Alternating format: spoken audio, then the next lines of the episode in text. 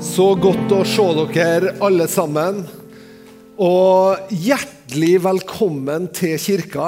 Jeg må bare gå en liten tur i dag. Dette er ikke planlagt, så nå kan hvem som helst frykte. Jeg skal gå en liten tur, men så ser en mann her som heter Willy. Og så tenkte Willy at eh, du har jo vært ei stund i denne kirka, har du ikke? Ja, da, Vet du det, det begynner å bli noen år siden nå. Ja. Det jeg lurer på det, er det her skulle du jo fått litt forberedelse på, men hvor mange pastorer har du overlevd? Uh, hvis jeg begynner med Odd Ravndal Tom Erlandsen, selvfølgelig. Frank Erlandsen. Jon Martin Øverby. Uh, det er enda to til. Karl Aksel Menzoni, selvfølgelig. ja. Enda flere forslag fra salen? Få høre. Ja, Tor Einar Krog og Har det gått bra? Det har gått veldig bra, tror jeg, både med meg, og menigheten og dem. Så fint. så fint. Eh, grunnen til at jeg spør, da, det er jo at det er viktig at vi vet at eh, det er jo ikke pastoren som er avgjørende her. Nøkkelen sitter jo her. Det er jo Willy som er nøkkelen her. Hæ? Og det er jo han som har holdt ut hele denne gjengen. Ikke nydelig? Jeg vet ikke om vi skal gi en Willy en applaus. jeg. Mange ganger, altså Pastorer kommer og går, vet du, men Willy består. vi, det er litt sånn altså at vi, vi må skjønne at eh, ja, vi, vi er jo her vi for å gjøre vårt beste, absolutt, og vi syns det er stort. Men, eh, men det er viktig at vi vet at kirka det er faktisk eh, vi som er samla i, i rommet. Det er vi som utgjør kirka. Og så er det sånn at i dag så har jeg liksom Fremtidens kirke. Sju ingredienser, sant? så nå skal du virkelig få det her. Eh, men så er jo det viktig å si da, før jeg begynner i dag, at, eh, at eh, det er viktig at du ikke sitter nå og så liksom Hadde han med det? Had, had, det, sa han noe om det? For at det er klart, Hvis vi skal ta liksom og, og, og skvise ting inn i sju punkt, eller sju ting som vi skal ha med, så vil vi gå glipp av noe. Men kanskje du kan putte inn sammen med noen av de andre, andre ingrediensene. ok? Og så er det også sånn at jeg vet at jeg har, sett Annika vet du, når hun lager mat. Så er det sånn at Annika hun slår opp ei kokebok eller noe sånt. Hun, hun slår opp ei oppskrift. sant? Og det kan jo jeg gjøre. Hvis jeg lager middag, så, liksom, så ser jeg gjennom oppskrifta og sjekker har vi alt. Og hvis vi ikke har alt, så drar jeg på butikken. sant? Men Annika hun slår opp oppskrifta sier nei, vi mangler det, vi mangler det. Og så, og så liksom putter hun inni noe annet. Hun. Eh, så hun liksom finner litt i, i, Og det blir jo alltid mye bedre når hun lager mat, enn når jeg lager mat. Så, så når vi liksom sier noe sånt, så, er, så betyr jo ikke det her at det, det er umulig å gjøre kirke uten, eller at det er umulig å gjøre kirke hvis noen av ingrediensene ikke er der. Men det betyr bare Kan vi tenke litt på det her sammen? Kan vi la det her eh, berøre oss litt sammen? Kan vi la det her eh, strekke sinnet vårt litt, sånn at vi kan, eh, vi kan kjenne at yes, kanskje det er noe her som vi trenger å, trenger å utvide horisonten for å ta imot. Vi takker, Herre, for din godhet over kirka di. Vi takker deg for din godhet over hver enkelt som er samla, både her i huset nå og hjemme eh, foran eh, YouTube. Herre. Vi takker deg for dem, Herre. Takk at du berører oss alle sammen. Og så drar du oss sammen, Herre, i dette prosjektet som du kaller din kirke. Du bygger din menighet, du bygger din kirke på jorda i dag. Jeg takker at du er aktivt opptatt av det, og at vi også får lov å være med å bygge kirka inn i ei ny tid i Jesu navn. Amen. Amen. Nå Før jeg begynner, så skal du få lov å snu deg til naboen og si at kirka, det er du, det.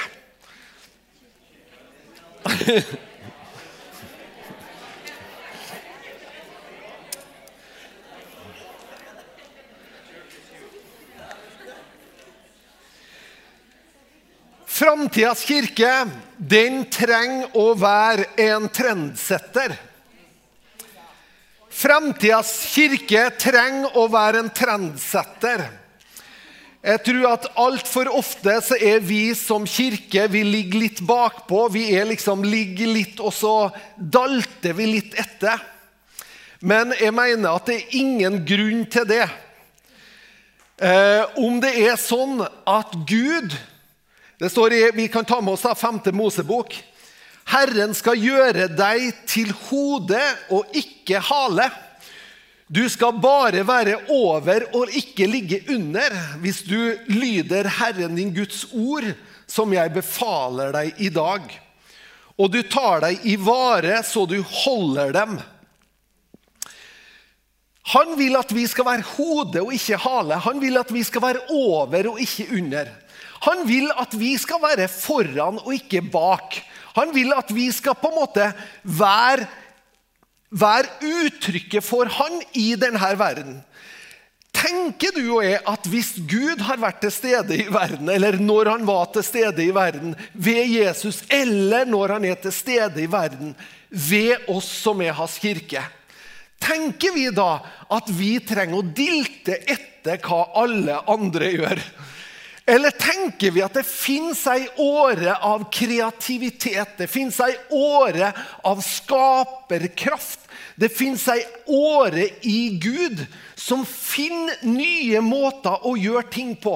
Som er sånn at den lener seg fremover og sier Wow, hva kan vi, hva kan vi få ut av det her?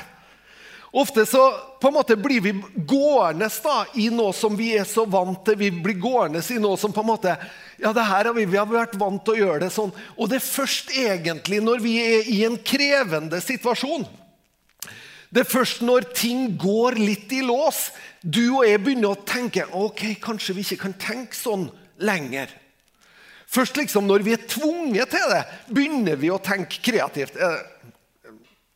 Ja, det er noen som gjenkjenner den.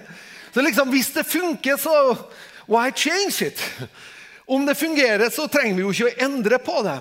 Men det er noe med å istedenfor å innse til slutt at ja, kanskje vi også snart burde tenke på det der etter at alle andre har tenkt på det. Så kommer vi etter. Det er typisk kirke. da, kommer vi etter, Og så sier vi ok, ja, ja. De har holdt på med det her siden 82, ja. Kanskje vi òg skulle ha prøvd, da. og så blir vi sånn etterdiltende kirke. Men jeg tror at vi kan være ei kirke som er framoverlent. Og jeg tror også i det at vi er trendsettere, så kan vi også være trendsettere i det å være tydelig. I det å gi svar. I det å være framoverlent. I det å vi bringer Gud inn i perspektivet. At vi som kirke vi bringer en annen dimensjon. Om han får lov å prege, prege oss, så er det faktisk sånn at han som skaper, han er vår far. Og hvorfor skulle vi da dilte etter? Jeg har en eh, favorittpredikant. Det har sikkert du òg. Nei vel. Det er jo forskjellig vi liker å høre på. Og Jeg har en favorittpredikant som heter Irvin McManus. Han er pastor i, i Mosaikk i Los Angeles. Og han, han, sier noe som er egentlig sånn skikkelig tankevekker. Han sier at The church should be the epicenter of creativity. Kirka burde være episenteret for kreativitet. Det, det, burde være der egentlig kreativiteten har liksom virkelig svung. Ok, Anyone at home? Er det noen som er her i dag? Ja. Kirka burde jo egentlig altså Helt ærlig, sånn, hvis vi tenker hvis vi, hvis vi, da tenker oss sjøl påkobla Guds ånd, og påkobla Gud sjøl, og fellesskap med Faderen og alt mulig sånt, så, så burde det kanskje være sånn at vi, vi er kreative. Og nå tenker jeg ikke bare på kreativ som noe som noen som maler malerier eller noen som skriver sanger. Jeg tenker på løsninger, jeg tenker på framtidstro. Jeg tenker på ting som på en måte måter å gjøre ting på. Vi burde være lengst fram der fordi at vi er kobla med vår far. Jeg husker en gang Annika og jeg vi reiste forbi Ålesund. og I Ålesund så var det ei kirke som vi, vi, kjente godt til, eller kjente til folka i. og Så hadde de fått seg nytt lokale, og det her var jo eh, i trosrøyelsene. altså trosbevegelsen. Og Så sier jo Annika til meg Erlend, skal vi ta, stikke innom og se hvordan de har fått det i nye lokaler.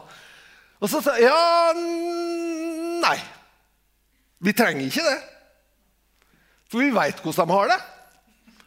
De er en del av trosbevegelsen. De har teppe på gulvet, de har noen trapptrinn opp til scenen, de har glassprekestol. Og så har de et eh, draperi bakom. Vi trenger ikke å se det. Og så har de noen fine blomster. I, ja, mer eller mindre vellykka satt sammen. Ja. Så det har vi allerede sett. Og så begynner jeg å tenke hvordan er det egentlig mulig at vi som Guds barn blir blåkopier av alle andre. Hvordan er det mulig at vi liksom Ja, ja nå, nå, nå, er det sånn det skal være, ja. Da må vi jo gjøre det sånn, da. Vi må ikke det, vet du. Vi kan få lov Hør her. Er, this is good news, Betel. Vi kan få lov å være Betel Trondheim. Det fins bare ei Betel Trondheim. Vi kan få lov å være den kirka Gud ønsker at vi skal være. Han ønsker ikke at vi skal være en blåkopi av noe som skjer i Australia, eller en blåkopi av noe som skjer i Vennesla, eller hvor det nå skulle være. Gud ønsker det unike fram i denne kirka. Og det får han bare fram hvis du og jeg våger å være kreativ. Hvis vi våger å la han inspirere oss i den måten vi gjør ting på. Jeg elsker nå Annika. Annika, Likte du bildet av Annika her? Jeg elsker når hun kler seg opp sånn. Det er så stilig, altså. Her, er det, her skal vi få et eksempel fra Los Angeles. Nok et eksempel fra Los Angeles. Men det her er altså, er noen som vet hva det her er for noe? Kristian, ja, jeg visste at du visste. Her, har vi noen på denne sida som vet hva det er? Det, det, det her er Engulus tempel i Los Angeles. Det ligger rett ved sida av Echo Park. Og det her er altså den kirka som Amy Simple eh, McPherson bygde på 20-tallet. Når hun bygde denne kirka, så var det liksom det var The state of art. Det var det ypperste av det du kunne få til på alle områder. Der var hun. Kreativ. Og vet du noe? Det fortelles altså om eh, henne sine oppe til, oppe til, Lengst opp der så ser du hvordan den så ut. Nå skulle jo hatt det liksom litt tett på, da. men det er jo sånn det så ut eh, den gangen. Diger eh, lysekrone var i midten, vet du, og folk samla seg her. Og når hun hadde møter, så var møtene så kreative at Hollywood kom for å ta inspirasjon. Wow! Hæ? I dag så huser denne kirka i dag så huser den Dream Center. Så nede, til, nede i hjørnet så ser du hvordan kirka ser ut i dag. Huset er det samme, og på en måte så er kirka den samme, men tida er ei anna. Innpakninga er ei anna. Hadde det fortsatt sett ut som det gjør øverst i høyre hjørne, så hadde det ikke vært så mye folk. Men pga. at kirka har våga å ta nye steg inn i nye tider, så er det faktisk sånn at kirka fremdeles er full av folk. Er ikke det fantastisk? Og den kreativiteten må vi bære med oss. Og derfor syns jeg at ikke, jeg, jeg, kunne jo ha sagt at framtidens kirke må være kreativ. Da alle nikka. Men når vi sier at vi skal være trendsetter, Da, liksom, da går vi et hakk videre, gjør vi ikke? Da sier, da sier vi liksom vi tror det at eh, ved Guds ånd så kan ting inspireres. Måten vi gjør eh, ungdomsarbeid, måten vi eh, berører og, og, gjør ting i speiderarbeidet vårt, i barnearbeidet vårt, i eldreomsorgen vår. I, måten vi gjør ting i integrering. Kan det ikke være sånn at når folk kommer til kirka, så tenker de wow, dette er et eksempel på hvordan vi kan gjøre det? Kan det ikke være sånn? Dere vet jo sjøl hvordan det var når det var 100-årsjubileum her, og det sto liksom alle farger og fasonger og, og kulturer sto sammen på ei scene. Det var bare wow! Her får de det til. Er ikke det nydelig, da? Så kirka trenger å være Framtidas kirke trenger å være trendsettere. Framtidas kirke trenger også å være bygd på relasjoner. Den trenger å ha relasjoner i seg. Man sier det at det er hundrevis av forskjellige årsaker for at mennesker kommer til ei kirke. Men det fins bare én grunn for at de blir. Og den eh, grunnen er relasjoner. Samme hvor sterkt møtet er, samme om, om, så du liksom fikk en profetisk tiltale så det sang i ei menighet. Hvis du ikke får relasjoner der, så blir det ikke ditt hjem. Vi som mennesker, vi er skrudd i hop for tilhørighet. Derfor så lengter vi etter det. Om vi som kirke også åpne opp og gir tilhørighet. Og bygge relasjoner. Og våge å bygge relasjoner. Hei, jeg har ikke møtt det før. Hva med du? By på oss sjøl. Våg å strekke, strekke, ut handa. Ikke nå, da. Sant? Strekke ut albuen. Vi må bygge relasjoner. Ja men, kanskje, ja, men kanskje ikke vi har felles interesser. Kanskje vi ikke, kanskje ikke treffer hverandre. Kanskje vi ikke, sant? Kommer det noen til meg og så sier, sier ja, hei, ja, ja, hva er du interessert i? Ja? Jeg er interessert i, i, i, korps. Jeg er jo ikke interessert i korps. Jeg har aldri spilt i et korps. Jeg har sett dem. Men da veit jo jeg det. Så kan du si du, jeg har en god kar her. Bjørn.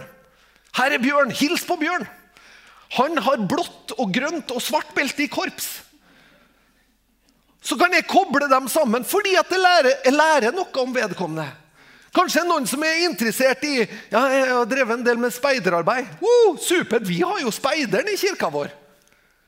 Sant? Vi kobler, og så kan vi koble i stedet for at vi tenker at jeg må finne en felle. Det må, må se ut sånn som jeg, kle seg sånn som jeg, og, og være lik med for at jeg skal komme Nei, det trengs ikke. Vi kan connecte med folk. Og så kan vi heller vite OK, ja, Kanskje ikke treffer med det samme. Men tenk hvis noen kommer inn i kirka vår, og så går de ut like fort uten å ha møtt noen. da. Det er jo heller ikke bra, er det? Så framtidas kirke er bygd på relasjoner.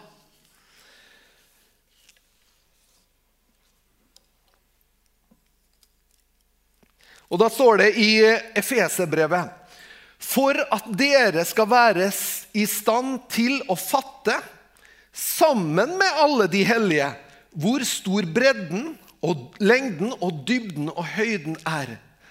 Vi syns jo det er spennende at eh, Frelsesverket inneholder både bredde og lengde og dybde og høyde. Men vi fatter det først når vi sammen utforsker det. Det er da vi forstår det. For det er umulig å forstå dybdene og breddene i Guds tanker alene. Du kan liksom ikke isolere det på ei hytte på fjellet og forstå fullheten av Gud. For fullheten av Gud handler om samspillet mellom oss mennesker. Derfor er framtidas kirke bygd på fellesskap. Og jeg tenker at Det står i, i grell kontrast til en kultur av individualisme, egoisme, og selvsentrerthet. Det er annerledes. For du står ikke lenger i sentrum. Det er en annen som står i sentrum. Men du blir en perfekt del som passer inn. Og så er Det som er så fint også, det er at Guds menighet gir hensikt utover det sjøl. Utover den du er, så gir Guds menighet deg hensikt. Tilhørighet er noe som alle mennesker lengter etter. Og vi som menighet, vi er svaret på den lengselen. Og i kirka så får du realisere det sjøl, kobla med andre mennesker. Så det er ikke bare en sjølrealisering vi driver med i kirka, men vi driver en realisering av mennesker i fellesskap med hverandre. Er ikke det godt? Ok, er du klar for en ny en? Framtidas kirke har omsorg for de svake. Framtidas kirke har omsorg for de svake. Vi kan aldri kalle oss Jesu kirke hvis vi lukker øyet for den svake, for den trengende. Hele Bibelen, både Gamle testamentet og det nye, er full av enka, den fattige, den farløse, den fremmede. Vi kan ikke være ei Jesu Kristi kirke uten at det her får lov å være en del av vårt DNA. Kom til meg alle dere som strever og bærer tunge byrder, og jeg vil gi dere hvile. Kom til Hvis vi skal våge å tenke da at vi er hans kropp, og så sier vi Kom til Betel. Kom til Guds hus. Betel betyr Guds hus. Kom til Guds hus, alle dere som strever og bærer tunge byrder. Kom til Betel. Her er dere velkommen. Kom, Det er ikke sikkert vi har løsninger i dag, det er ikke sikkert vi har løsninger med en gang. Men kom til dette fellesskapet. Vi vil vise det omsorg, vi vil være med å be for det. Vi vil være med å søke løsninger for det. Kanskje vi har noen iblant oss som har noen gode råd, som har noen gode tips. Men kom til Betel om du bor i Trondheim og om du strever. Tenk hvis vi kunne ha sagt det. Kanskje du sitter der og så tenker ja, det har ikke jeg kunnet sagt i dag. Eller jeg tør ikke å si det til den gruppa, i hvert fall. Skjønner du? Ja, men da kanskje vi som fellesskap har noe å strekke oss etter. Jeg sier ikke det her for at vi skal føle oss nedstemt eller fordømt, men jeg sier det her for at vi skal realisere den Jesus ønsker at hans kirke kan være. Og, da, og, jeg tror også sånn at Når jeg leser de her punktene i dag på, på denne prekena, så tror jeg kanskje noen av dere kjenner dere hjemme i enkelte deler, mens andre kjenner seg hjemme i andre deler. Og det er ikke farlig, for det er nettopp det som er å utfylle hverandre. Tenk hvis vi kunne hatt noen i kirka vår da, som var lengst fram som trendsettere. Som var liksom i det ypperste når det gjaldt det. Men så har vi også i kirka vår noen som virkelig bærer den trengende til bordet. Tenk hvis vi kan ha den bredden i kirka vår. Wow! Det må være en god kirke. Men vi kan aldri hoppe bukk over det. Ja, men vi som kirke vi skal være sterke, vi skal være vellykka, vi skal ha karriere sjøl. Det blir tomhet for oss. Vi, det er ingenting feil med å ha en karriere, det er ingenting feil med å være vellykka heller. Men hvis det er det eneste vi er, da er det liksom noe som er litt hult. Det er noe som gir en litt sånn bismak. Hvis det er det eneste vi er, hvis det er det eneste vi kan vise til, så trengs det noe mer.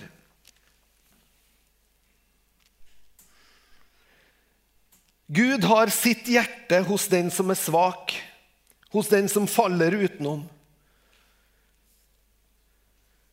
Jeg tenker på TV-bilder som vi så mange ganger ser, som vi så mange ganger har lært oss å bare skyve unna. For ti år Er det ti år nå? Jeg tror det er borti ti år nå siden IS herja som verst. Når de begynte. Det var sjokkerende TV-bilder. Er noen av oss i dag som lurer på hvordan det går med jesidi-kvinnene i Syria? Ja? Fint. På en måte, Vi, vi blir fora med nye ting. Tenk hvor tom vi er når det som opptar norske medier, er 'får vi lov å skjenke'? Da har et folk blitt innhult. Hvis det, hvis det er hovedsaken Hvis det er hovedsaken, kjære venner, i verdens rikeste nasjon I den nasjonen som har ressurser opp under ørene, så er det hovedsaken. Får vi ikke lov å skjenke lenger enn til klokka 11? Det er på tide at livet blir større enn oss sjøl. Det er på tide at livet får lov å ta oss. Du dåre. I kveld krever jeg din sjel. Er ikke det ei ganske heftig lignelse som Jesus forteller? Det er jo en som var vellykka, og så sa han til seg sjøl jeg skal bygge meg en stor låve, sånn at jeg kan beholde alt det jeg har eh, spart opp og tjent, og alt det sånn at jeg er trygg for fremtida. Det er en ganske norsk tankegang, er ikke det? Hæ? Det er en ganske norsk tankegang. Men det er ikke en himmelsk tankegang. Det er ikke Guds rikes prinsipper som ligger i det. Den som gir, den som er sjenerøs. Vet du hva Bibelen sier, sier til israelsfolket? Så sier Gud at du, når du ser den fattige, den trengende iblant deg, da skal du tenke på at du sjøl en gang var slave.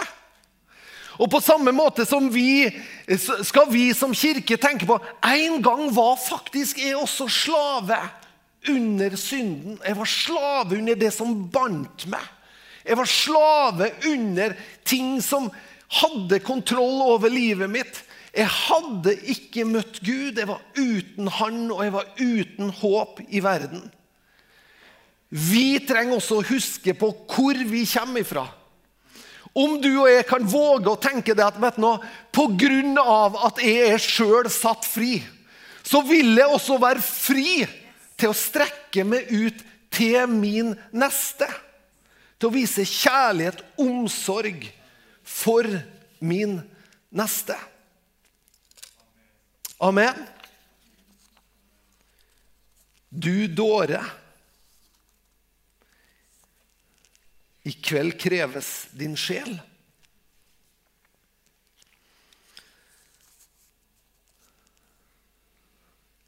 Framtidas kirke er bygd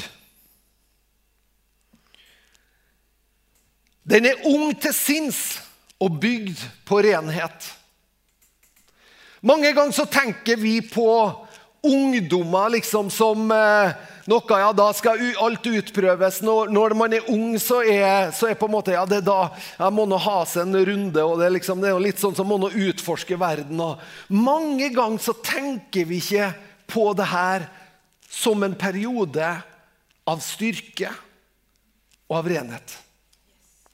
Men Guds ord gjør det. Guds ord gjør det.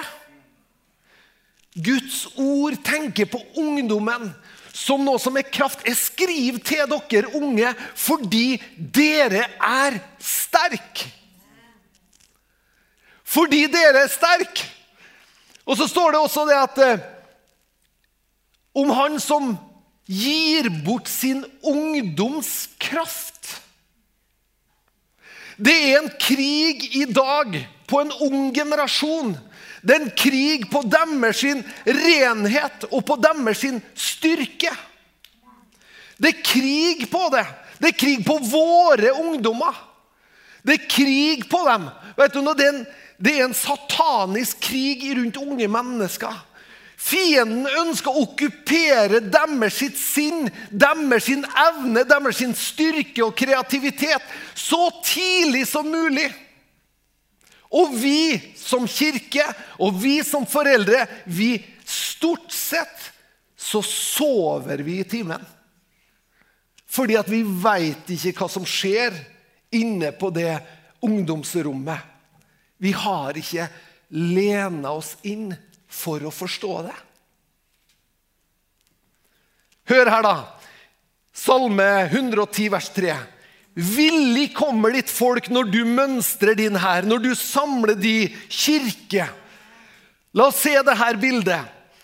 I hellig prakt kommer din ungdom til deg, som dugg ut av morgenrødens skjød. Kledd i hellig prakt kommer ungdommen. Det er det vi ser iblant våre ungdommer. Det er det vi ser. Det er det vi ser både i tro og i, og i ekthet. så ser vi det.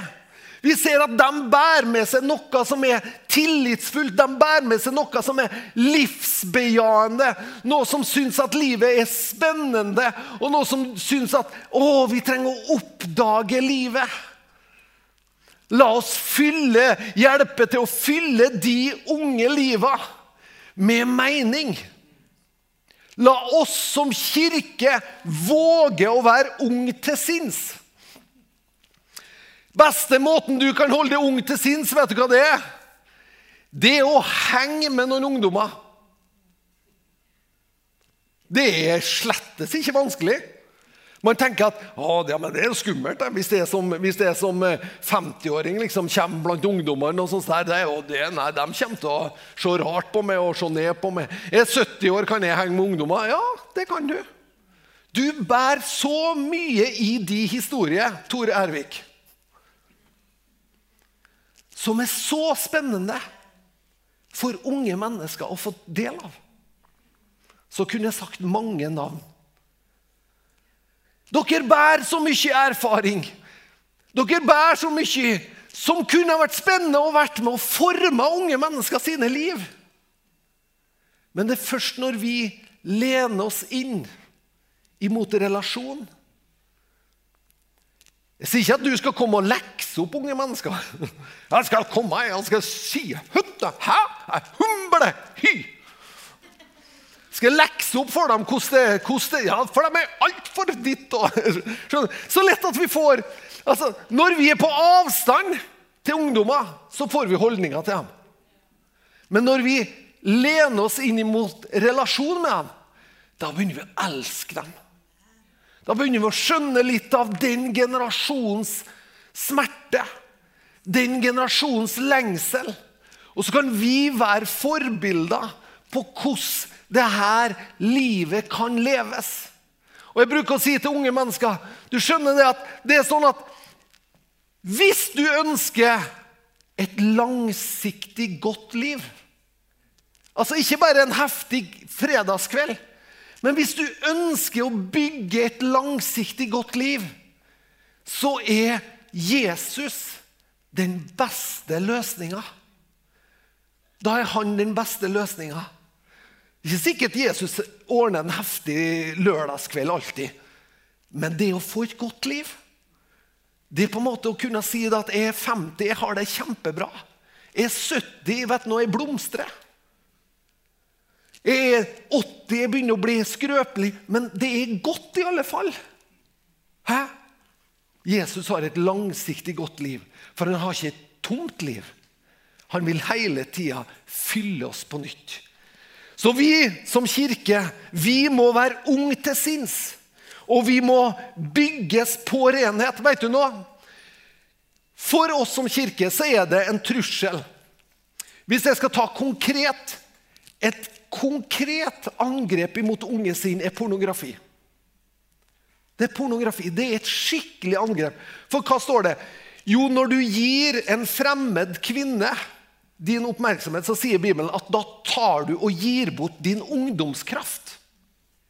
Det vil si altså at i sinnet ditt, i tankekapasiteten din, så gir du bort krafta, kreativiteten. Det du skulle hatt for å fått opp løsninger for livet, for å inntatt livet. Det er ikke, Den krafta fins ikke, det initiativet fins ikke. det. Fordi at sinnet ditt er kobla opp på noe annet som er mer destruktivt enn byggende og positivt. Og så er Problemet i kirkene det at på en måte, ja, men vi har jo alle vært inne på de sidene. Men vi tør ikke å si noe om det. Derfor så blir vi til ingen hjelp for den unge generasjonen. For vi sjøl er tynga med skam. Vi sjøl er berørt av skam på det området. Vi trenger heller en sann kultur, der vi sier til ungdommene 'Jeg veit hva det der er.' Ja, ja, ja. Jeg veit hva det der er. Jeg veit hvor det kan hekte sinnet. Vi trenger en ærlig kultur som sier at vet du, vi forstår dere. Det der er slette Vet Når vi har måttet ha tatt et oppgjør med det her Jeg har måttet ha tatt et oppgjør med det her. Ikke lat som vi ikke veit. Å, nei, og vi så Å, aldri hørt om Nei, å, og er det noe som heter porno? Uff a meg. Altså, la oss leve liv sammen, sant? La oss være sann. For det er et hinder Skjønner du det? Det at vi fortier det, det gjør at fienden bare får et fastere grep på neste generasjon. It's war, my friend. It's war. Og vi må kjempe for renhet. For det er ingenting som er så vakkert som når ungdommer får lov å gå fram i renhet. Det er nydelig. Og vi må, vi må stille oss rundt dem. Og så er vi ikke bare unge til sinns, men vi har tro for neste generasjon. Vi trenger å ha tro for neste generasjon. Akkurat som Engelets tempel nå er fortsatt ei menighet som er oppegående og som er full av liv. Og hør her. Engelets tempel, den kirka, den har slogan. Deres slogan er 'The Church Without Walls'. Kirka uten vegger. Ja, Det er det nydeligste jeg har hørt. Tenk å få lov å være ei kirke uten vegger. Ikke bare det at vi har hatt et komitémøte så har vi utvida døra, sånn at det oppleves i hvert fall ikke så trangt å komme inn. Du må liksom ikke gå sidelengs lenger. Tenk hvis vi kan være ei kirke uten vegger. da. Hva har vi å skjemmes for? Hva har vi å skjule? Det er jo en liten trussel da, imot uh, hvis vi tenker at kirka er en privat klubb. liksom. Men la Kirka ha tro for en ny generasjon.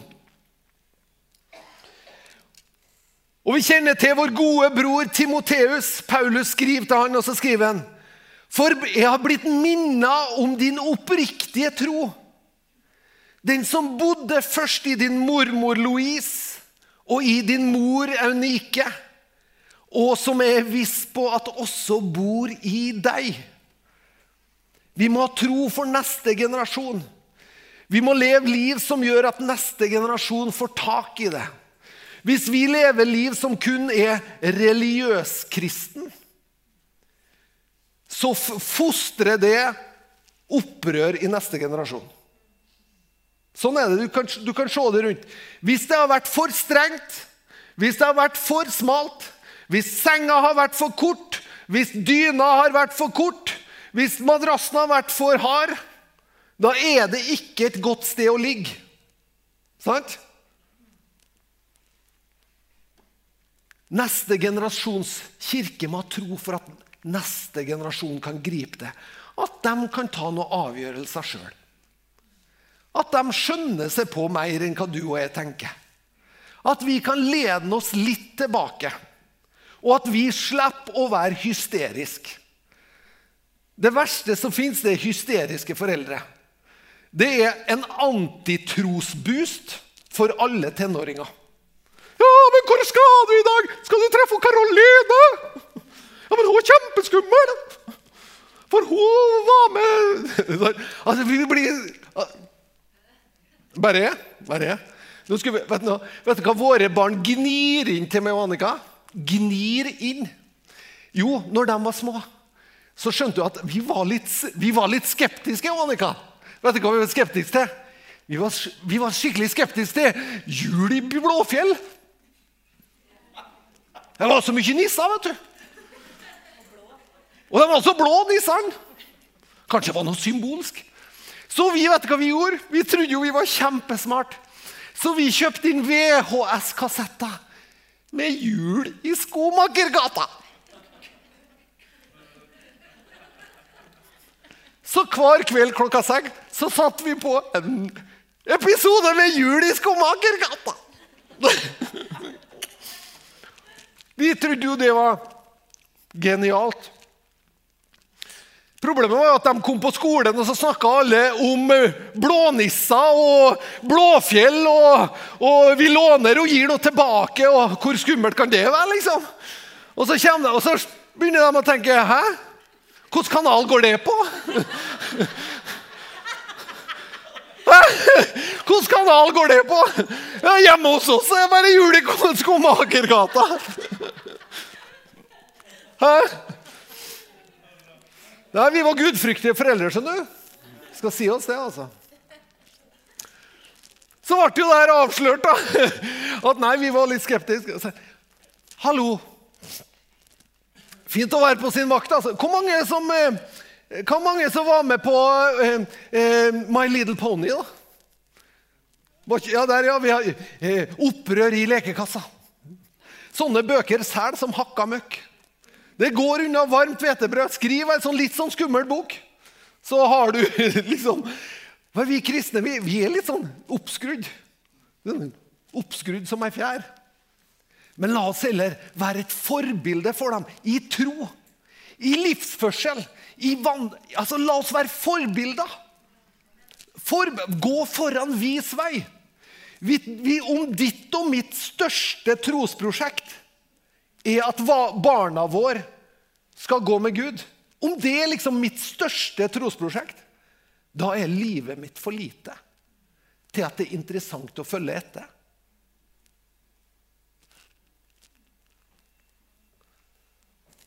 Ok, jeg skal se om jeg kommer i havn her nå, men det går bra, sjø. Vi må ha Jesus i fokus. Framtidas kirke må ha Jesus i fokus. Og da tenker jeg det er så mye som ordner seg når Jesus er i fokus. Én ting gjør jeg.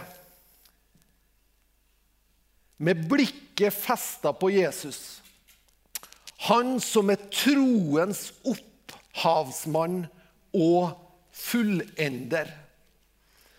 Han som har starta en god gjerning i meg, han vil også fullføre den gjerningen.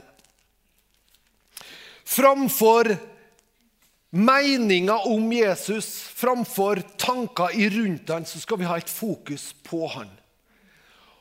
Og hør her Istedenfor bare å lede mennesker til Guds ord, så leder vi mennesker til Jesus.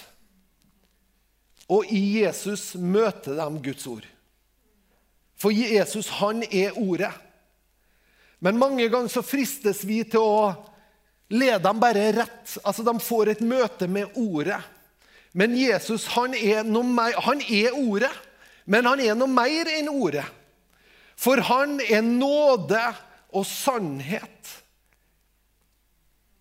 i skjønn forening. Det er Jesus.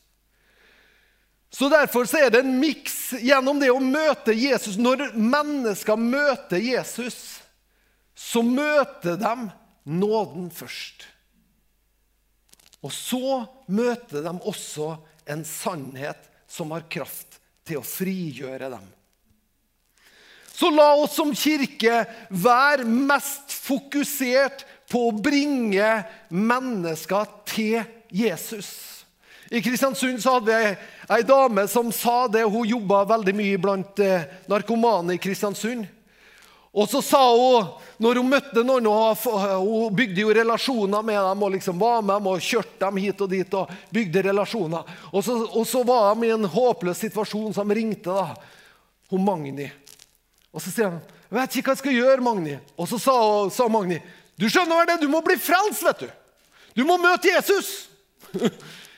og det visste jo de her narkomane etter hvert. da, At det, det, er det det handler om. Ikke så mye hva Jesus kom til å gjøre, eller hva det betydde. eller sånt. Men du må møte Jesus!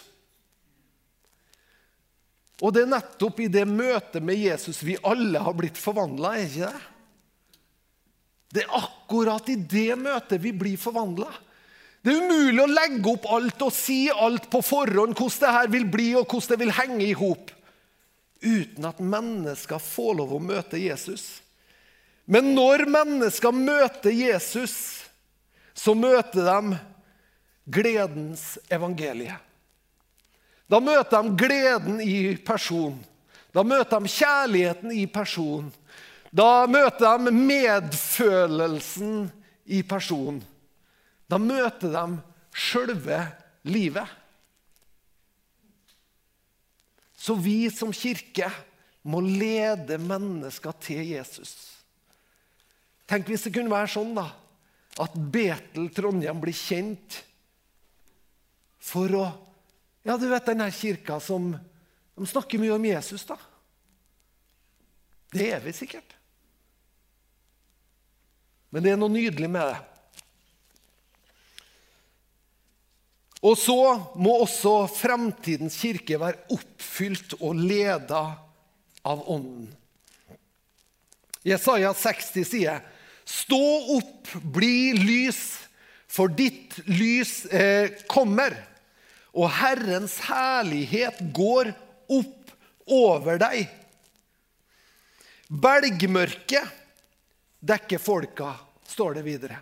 Det er mørkt i vår tid. Men over Guds menighet skal Herrens herlighet oppgå. Den hellige ånd må være til stede i livet vår. For det er ved Den hellige ånd mennesker blir overbevist om synd, om rettferdighet, om dom, om veien videre, rett og slett. Om hvordan de kan forholde seg. Det er Den hellige ånd som er den beste coachen i et menneskes liv. For Den hellige ånd har en fantastisk evne til å ta ting når folk er moden for det. Og Noen ganger så trenger du og jeg å kneppe igjen munnen, lene oss tilbake og la Den hellige ånd gjøre sin jobb. Men ei kirke som er full av Den hellige ånd, er også full av hans gaver. Hans overnaturlige manifestasjoner. Helbredelser, tegn og under. Guds menighet må være fylt av Den hellige ånd, som gir kunnskap inn i ulike situasjoner. Som gir visdom, som taler profetisk og er på kornet. Vi trenger Den hellige ånd. Kjære pinsevenner. Vi trenger å bli døpt i Den hellige ånd. Vi trenger å få ild fra himmelen. Kjære pinsevenner, vi trenger det. Vi trenger at Den hellige ånd fyller oss. Og så har Jeg lyst, bare, jeg har lyst til å gå mot avslutning nå. Jeg kunne ha sagt mye om Den hellige ånd også, men det skal jeg gjøre enda mer en annen gang. Har de Jeg har oppdaga det var noen som visste meg at vi har fått et så godt ord for 2022. Johannes 20, vers 22. Der står det Etter at han hadde sagt dette åndet han på dem og sa, ta imot Den hellige ånd. Vi som kirke skal få lov å ta imot Den hellige ånd. Og Den hellige ånd skal fylle oss. Den hellige ånd skal inspirere oss. Den hellige ånd, det er han som gir ideer, tanker og veiledning. Så du og jeg kan lene oss over på han. Jeg har lyst til å avslutte og be. Kan lovsangerne bare komme opp, så takker jeg Herre. Vi ønsker å være kirke for framtida. Vi ønsker å være kirke for nåtida, ja. Men vi ønsker også ei, å være kirke som møter framtida. Og som ikke bare møter framtida, men som har en berettigelse i framtida. Vi ønsker, Herre, å være kirke som kan møte morgendagen og være oppreist og vokse inn i en ny tid. Skal det skje, Herre, så trenger vi at du hjelper oss. Vi trenger at du ved din nåde veileder oss. At du ved din nåde inspirerer oss. At du ved din nåde kommer med visdom og innsikt, og at du hjelper oss. Vi trenger at du gir oss myke hjerter til å omvende oss. Harde panner til å kunne stå imot. Takke deg, Herre. Vi ber om at du skal ta denne kirka inn i en ny sesong, inn i en ny tid. At du skal åpne døra inn i framtida for oss, Herre. Og at du, Herre Jesus, skal puste din ånd over denne kirka. Det ber vi om.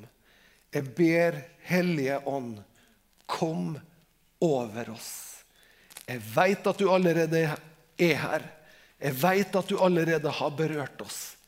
Men vi ber, berør oss på nytt. Berør oss på nytt, Hellige Ånd. Kom over våre svakle liv. La oss vende om ifra vår synd. La oss vende om ifra likegyldighet. La oss vende oss bort ifra det. La oss vende oss til det, Herre. Takk at du fyller oss, Herre, med ditt nærvær. Takker det, Herre, at du fyller oss med ditt nærvær nå. Denne formiddagen så berører du oss, Herre. Takke, Herre, at du løfter byrder av oss. Du kommer ikke med fordømmelse eller legger tunge byrder av skam på oss, Herre. Men til det kan vi komme med alle ting, Herre. Og så løfter du det av oss, Herre. Jeg ber om det. Og så lar du oss på nytt få lov å drikke, Herre, av frelsens kilder. Og det er ufortjent og uforskyldt. Men vi inviteres inn til å drikke av dine kilder, Herre. Vi takker det for det. Takker det for det i Jesu navn. Amen. Amen.